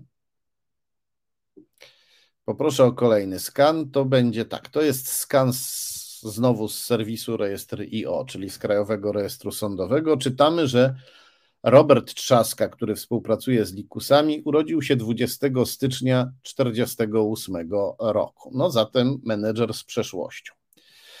E, poproszę o następny skan. Skan tym razem dla odmiany z Instytutu Pamięci Narodowej, z archiwum cyfrowego. Czytamy tutaj, że Robert Trzaska, to samo imię i nazwisko, urodzony 20 stycznia 1948 roku, ta sama data urodzenia, to funkcjonariusz komunistycznej służby bezpieczeństwa. I poproszę o następny skan, skan tym razem z katalogu IPN. Czytamy tutaj o karierze Roberta, Roberta Trzaski. Czytamy, że w latach 70-73 służył w milicji obywatelskiej, potem przeszedł do SB. Czytamy, że w latach, że w 79 roku jeździł do komunistycznych Niemiec Wschodnich, czyli do NRD. NRD, czyli Niemiecka Republika Demokratyczna, bo tak ślicznie się nazywało to państwo, które było wyjątkowo zamordystyczną tyranią komunistyczną. Miało też bardzo sprawną policję polityczną, słynną, znaną na, niemal na całym świecie jako Stasi, więc prawdopodobnie pan Trzaska e, odwiedzał tam swoich kolegów ze Stasi, fanatycznych komunistów. W latach 80, od 80 do 90 roku e, pan Trzaska jako pracownik Wydziału II Komendy Stołecznej, potem Stołecznego Urzędu Spraw Wewnętrznych w Warszawie, był na etacie niejawnym, czyli był, jakby to powiedzieć, agentem rezydentem i wykonywał zadania związane z kontrolą finansową zagranicznych przedstawicielstw posiadających swoje biura e, w Warszawie. Najprawdopodobniej chodzi o przedstawicielstwa firm zachodnich.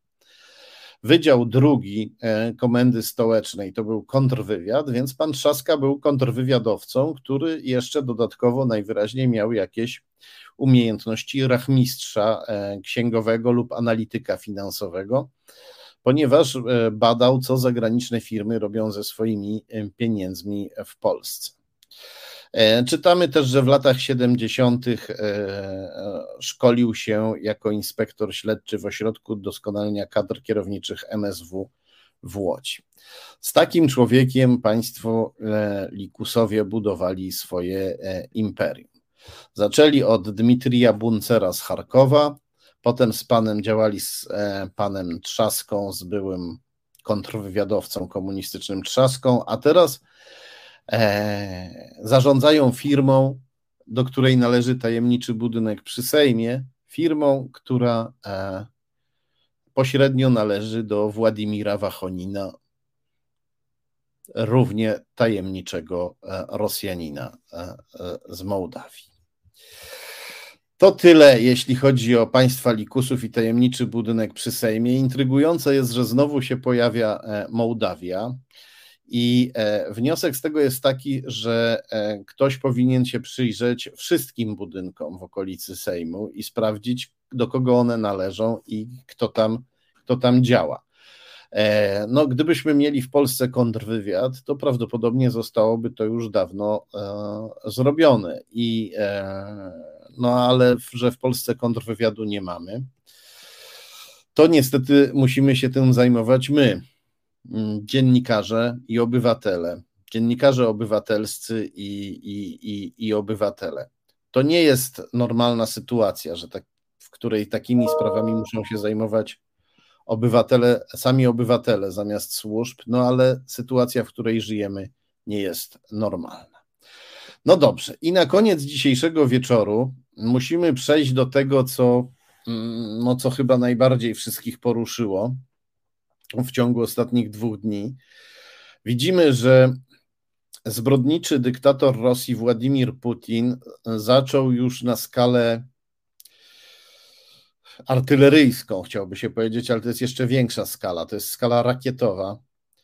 Zaczął jawnie i bez żadnego udawania już mordować cywili, bombardując e, obiekty cywilne, ludność cywilną, mosty w Kijowie.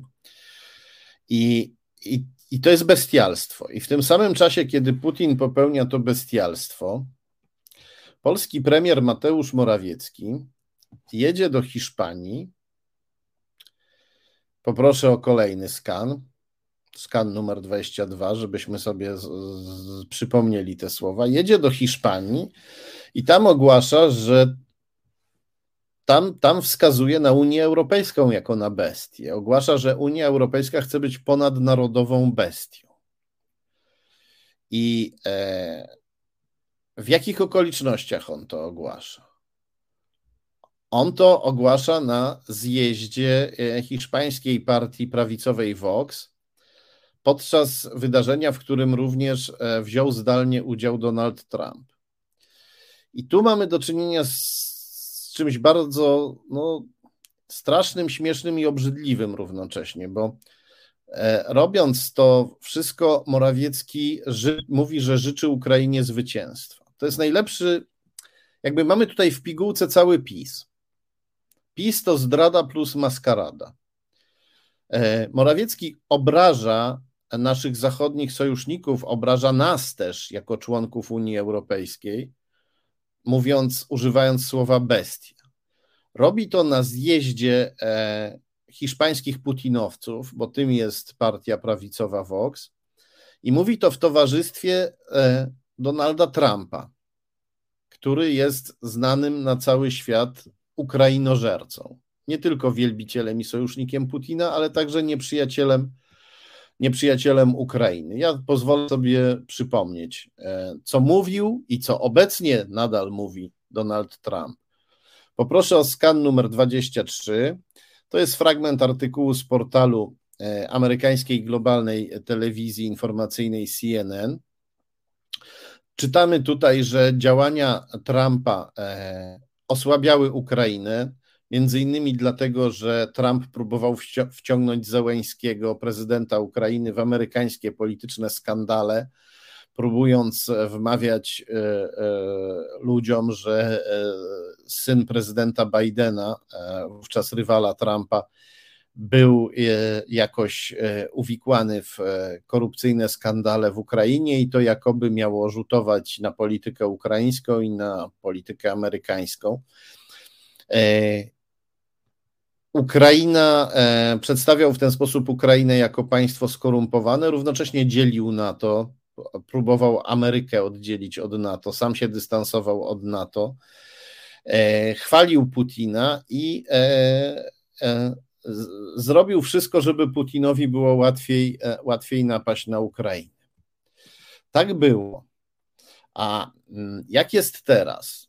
Co, jak się zachowywał Trump e, w tym roku, w roku, w którym Putin dokonał najazdu na, na Ukrainę?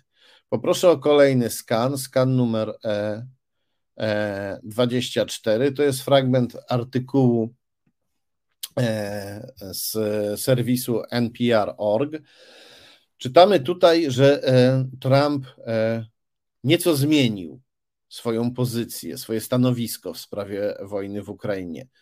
Tuż przed najazdem Putina na Ukrainę, Trump chwalił Putina jako sprytnego i inteligentnego, ponieważ Putin ogłosił, że e, te samozwańcze republiki na wschodzie Ukrainy, stworzone zresztą przez Putina, są od Ukrainy niezależne, niezawisłe i, i niepodległe.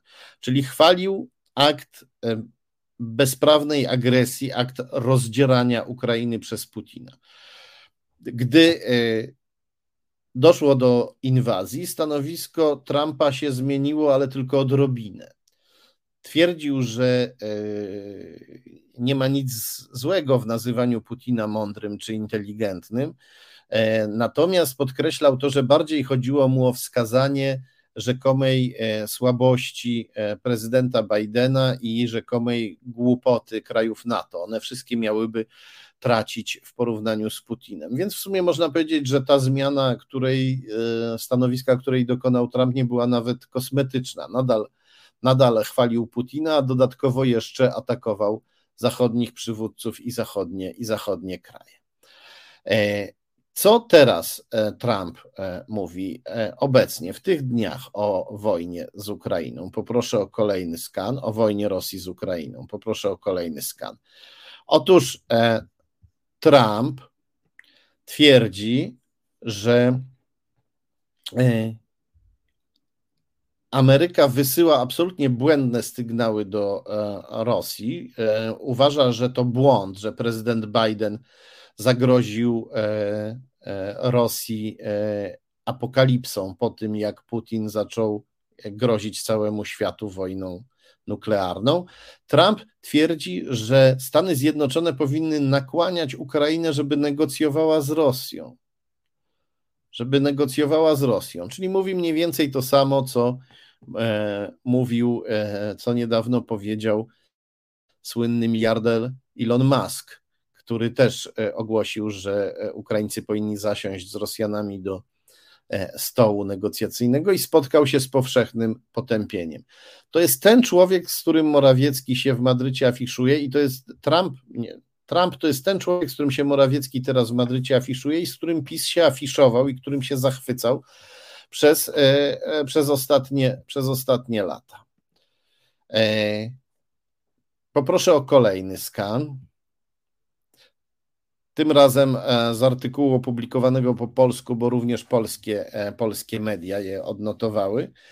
E, nagłówek brzmi kuriozalne słowa Donalda Trumpa o wilnym wojny w Ukrainie, niczym papież o szczekaniu NATO.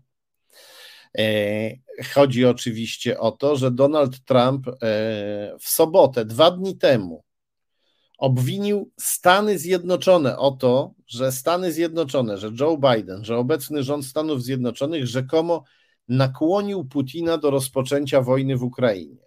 Rozumiecie, to nie Putin jest zły, to nie Putin jest mordercą, to zły Joe Biden go nakłonił do wojny. To jest to, co mówi e, e, sojusznik PiS teraz, teraz, kiedy już nikt oprócz ludzi złej woli nie może e, żywić ani rozsiewać żadnych złudzeń na temat co do tego, kto jest winny w tej wojnie, kto jest czarnym charakterem w tej wojnie. To jest to, co mówi Trump, to jest to, co mówi amerykański sojusznik PiS, to, i on to mówi teraz, w tym samym czasie, w którym Morawiecki się z nim afiszuje w Madrycie. I na koniec jeszcze e, wisienka na torcie. Poproszę o skan numer 27. E, to kolejny artykuł z, e, z anglojęzycznych mediów. Czytamy, że e, syn i współpracownik Donalda Trumpa, Donald Trump Jr., Donald Trump Jr., mówiąc po polsku, nawołuje, żeby Stany Zjednoczone przestały wspierać Ukrainę. Domaga się, żeby zamiast pomagać Ukrainie, przekierować tę pomoc do mieszkańców Florydy, w których uderzył huragan. E, ja jestem jak najbardziej za tym, żeby pomagać ofiarom huraganu, ale trzeba e, przede wszystkim pomagać Ukrainie, zresztą jedno drugiego nie wyklucza. E, obie te rzeczy, obie te rzeczy są, są ważne. Pomoc dla Ukrainy w mojej ocenie, być może także ze względu dlatego, że mieszkam w Polsce, jest trochę ważniejsza, ale uważam, że, a nawet może nie tylko trochę, ale uważam, że żadnej z tych rzeczy nie należy że z żadnej z tych rzeczy nie należy rezygnować i te rzeczy się te rzeczy się nijak nie wykluczają. Mamy tu do czynienia z cyniczną próbą wykorzystania tragedii mieszkańców Florydy po to, żeby znowu pomóc Władimirowi Putinowi. To jest ten człowiek, z którym Morawiecki się afiszował w, w Hiszpanii, no ale przede wszystkim Morawiecki afiszował się z hiszpańską prawicową partią Vox. Spójrzmy zatem na to, czym jest ta partia. Poproszę o kolejny skan.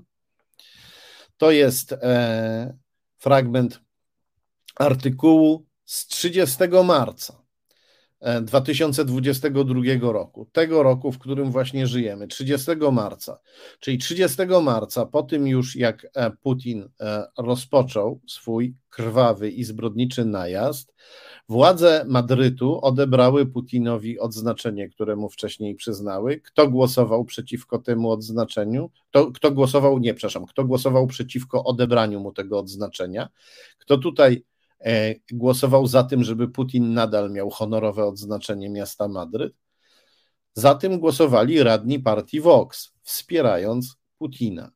O e, jakie odznaczenie chodziło? No, bardzo znaczące, można powiedzieć. Poproszę o kolejny skan.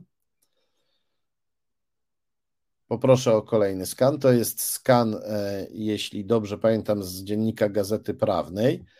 To były złote klucze do Madrytu. W 2006 roku e, radni Madrytu przyznali Putinowi złote klucze do miasta. E, obłędna decyzja wynikająca z tego, że Putin głośno potępiał terrorystów, którzy uderzyli w Madryt i najwyraźniej e, Hiszpanie się dali na to nabrać lub chcieli dać się na to nabrać z jakichś przyczyn. No ale po najeździe na Ukrainę w marcu 2022 roku postanowili odebrać Putinowi klucze do miasta i ja się temu nie dziwię. Ja nie chciałbym, żeby Putin miał klucze do mojego miasta, nie tylko złote, jakiekolwiek. I e, ale jednak znaleźli się tacy Hiszpanie, członkowie prawicowej partii Vox, z którą się teraz brata Morawiecki, znaleźli się tacy Hiszpanie, tacy radni Madrytu, którzy chcieli, żeby Putin nadal te złote klucze miał. I jak to tłumaczyli? Ano tłumaczyli to tak, no może Putin faktycznie jest zbrodniarzem, ale Putin uosabia naród rosyjski i my te złote klucze przyznając Putinowi tak naprawdę przyznaliśmy Rosjanom i to jest... E, i to jest oczywiście tłumaczenie, e, brakuje mi właściwego słowa, to mm, chyba jakby to powiedzieć nie tylko błędne, ale po prostu obrzydliwe. Żaden uczciwy Rosjanin nie utożsamia się z Putinem, bo uczciwi Rosjanie to są ci, którzy teraz siedzą w łagrach i są e, ofiarami Putina i cierpią z jego powodu. Więc nie można powiedzieć, że Putin uosabia cały naród rosyjski. Putin niestety być może w jakiś sposób uosabia sporą część narodu rosyjskiego, tą, która e, popiera, e, popiera tę zbrodniczą wojnę. I e, jeżeli radni partii Vox chcą, żeby złote klucze do hiszpańskiej stolicy miała sfaszyzowana i zbrodnicza horda, to radni partii Vox nie kochają swojego miasta i nie kochają swojej ojczyzny. Tylko tyle, tylko tak to, tylko tak to można, e, tylko tak to można skomentować. E, natomiast mamy tu do czynienia z pewnym ciekawym e, zjawiskiem, któremu należałoby się przyjrzeć. E, widzieliśmy, że w marcu ci radni kręcili, bo już mówili, że Putin im się nie podoba, ale jednak podoba im się e, naród rosyjski, czy też ta część narodu rosyjskiego, którą Putin ucieleśnia. Czyli już wtedy zaczęli troszeczkę swoje stanowisko, jakby to powiedzieć, kosmetycznie maskować. Zaczęli, do, zaczęli dokonywać jakiejś tam kosmetyki, żeby się odrobinę na pozór zdystansować od Putina. I wtedy to jeszcze było mniej więcej niemal tak niezgrabne, jak te e, e, wykręty Donalda Trumpa, który najpierw chwalił Putina, że jest mądry, a potem mówił, no, że on właściwie nie tyle chwali Putina, że jest mądry, tylko ubolewa, że wszyscy inni są tak od niego głupsi. To było jeszcze na poziomie takich bardzo niewyraźnych wykrętów, ale potem, potem partia Vox poszła na całość. Poproszę o kolejny skan.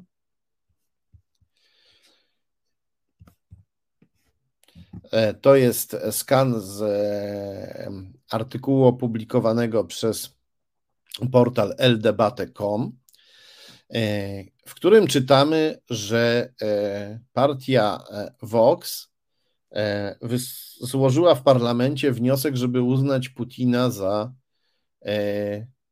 osobę e, za persona non grata, za osobę niepożądaną w Hiszpanii. No pięknie chciałoby się powiedzieć, no ale przy tej okazji wszyscy im wytknęli hipokryzję, bo jeszcze niedawno chcieli, żeby Putin zachował złote klucze do miasta, do miasta, do miasta Madryt.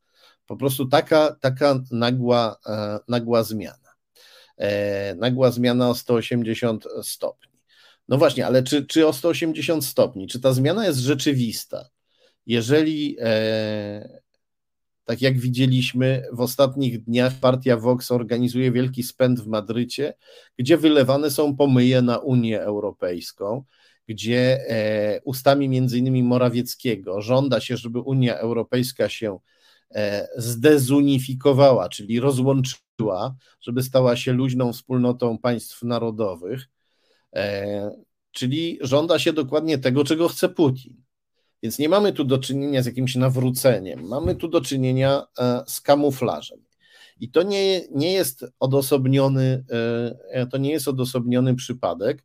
Poproszę o kolejny skan. Tym razem jest to skan z Facebooka, z profilu facebookowego pani Giorgi Meloni, włoskiej faszystki, która właśnie e, e, wygrała e, we Włoszech. I fa, włoskiej faszystki, o której zwycięstwo Jarosław Kaczyński kazał się modlić pisowcom. Czytamy tutaj, że w 2018 roku pani Giorgia Meloni pogratulowała zwycięstwa zwycięstwa wyborczego zbrodniczemu dyktatorowi Władimirowi Putinowi. Napisała: Gratulacje dla Władimira Putina z okazji czwartego wyboru na prezydenta Federacji Rosyjskiej. Wola ludu w tych rosyjskich wyborach wydaje się jednoznaczna. I ona to napisała cztery lata po tym, jak Putin napadł na Ukrainę po raz pierwszy, kiedy zagarnął Krym i Donbas. Ona to napisała po tym, jak mm, Putin, wiadomo było, że Putin morduje ludzi w Czeczeni. Wiadomo było e, już, że Putin napadł też, no już to, już to napisała to wiele lat po tym, jak Putin napadł też na Gruzję. E, wiele lat po tym, jak e, powszechnie stało się znane, że Putin morduje dziennikarzy, morduje swoich polityków, swoich przeciwników politycznych. Więc e, z pełną świadomością tego wszystkiego pani Meloni to napisała. Napisała to również wiedząc, że wybory w Rosji to farsa i że nie odzwierciedlają one żadnej woli ludu. Co prawda, lud w dużej mierze pokornie faktycznie głosuje na Putina, ale robi to ze strachu i dlatego, że został zindoktrynowany. Został e, po części przekupiony za pomocą ochłapów, które Putin rzuca e, rosyjskiemu ludowi, ale także przede wszystkim został zindoktrynowany, został lud został zatruty propagandą medialną, ponieważ Putin przejął w 2018 roku, miał w swoim ręku już niemal e, wszystkie media, media, media w Rosji. Poproszę o kolejny skan. To jest fragment artykułu z mm, brytyjskiej gazety The Guardian.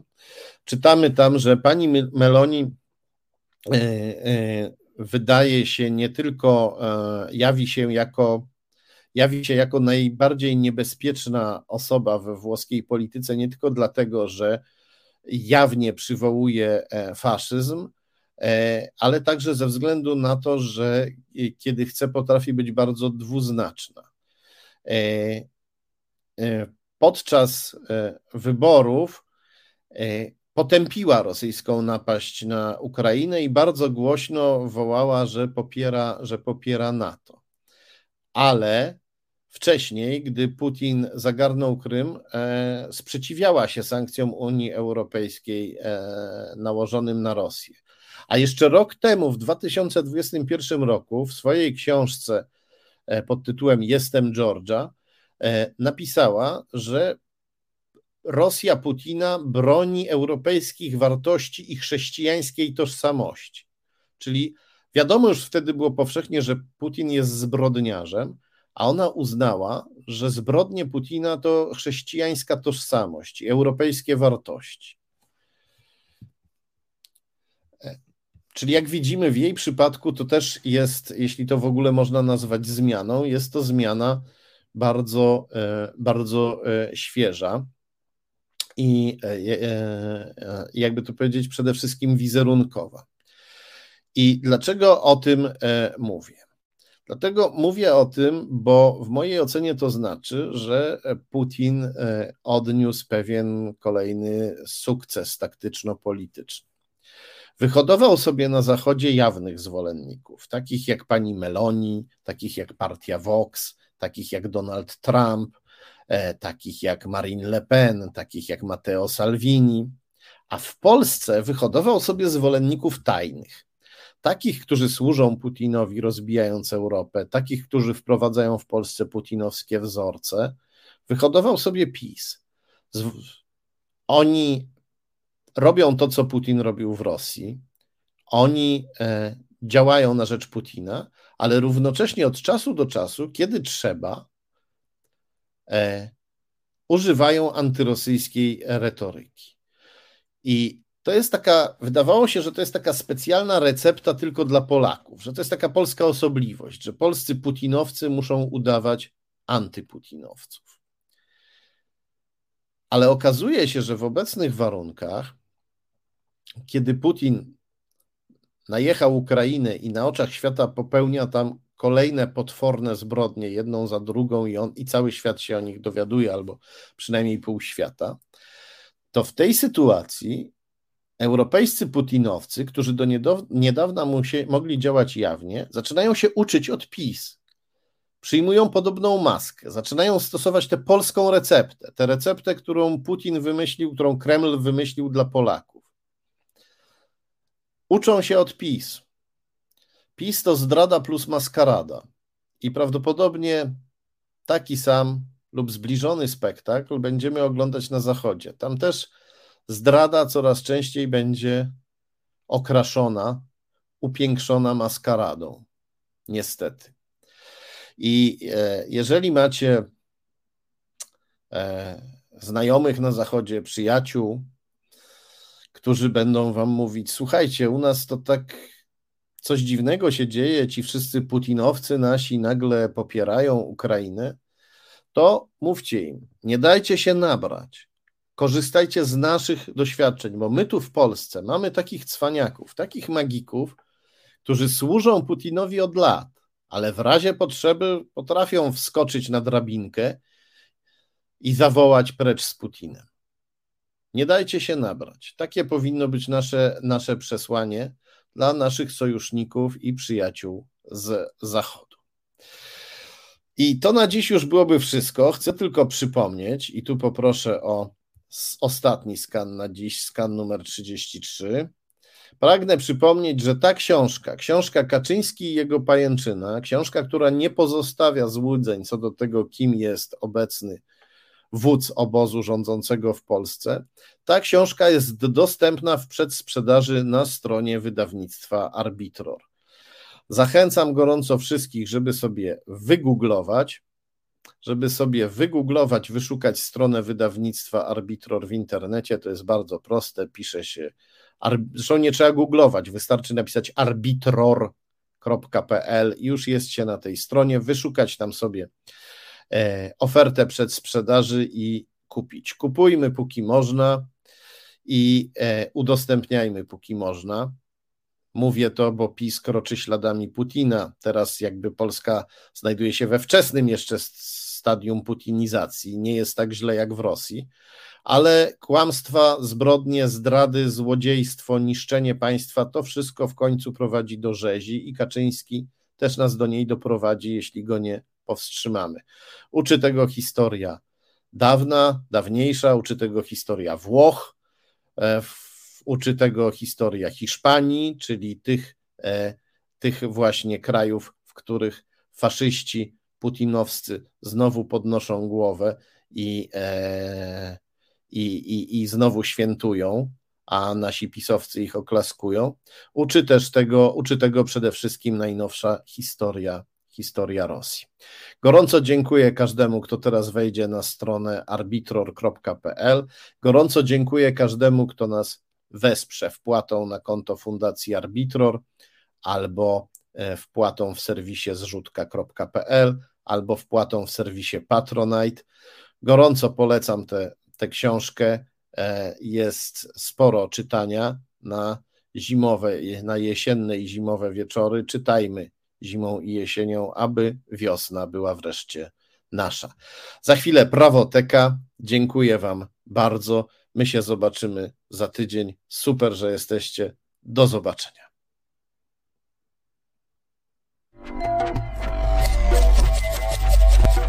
Reset Obywatelski.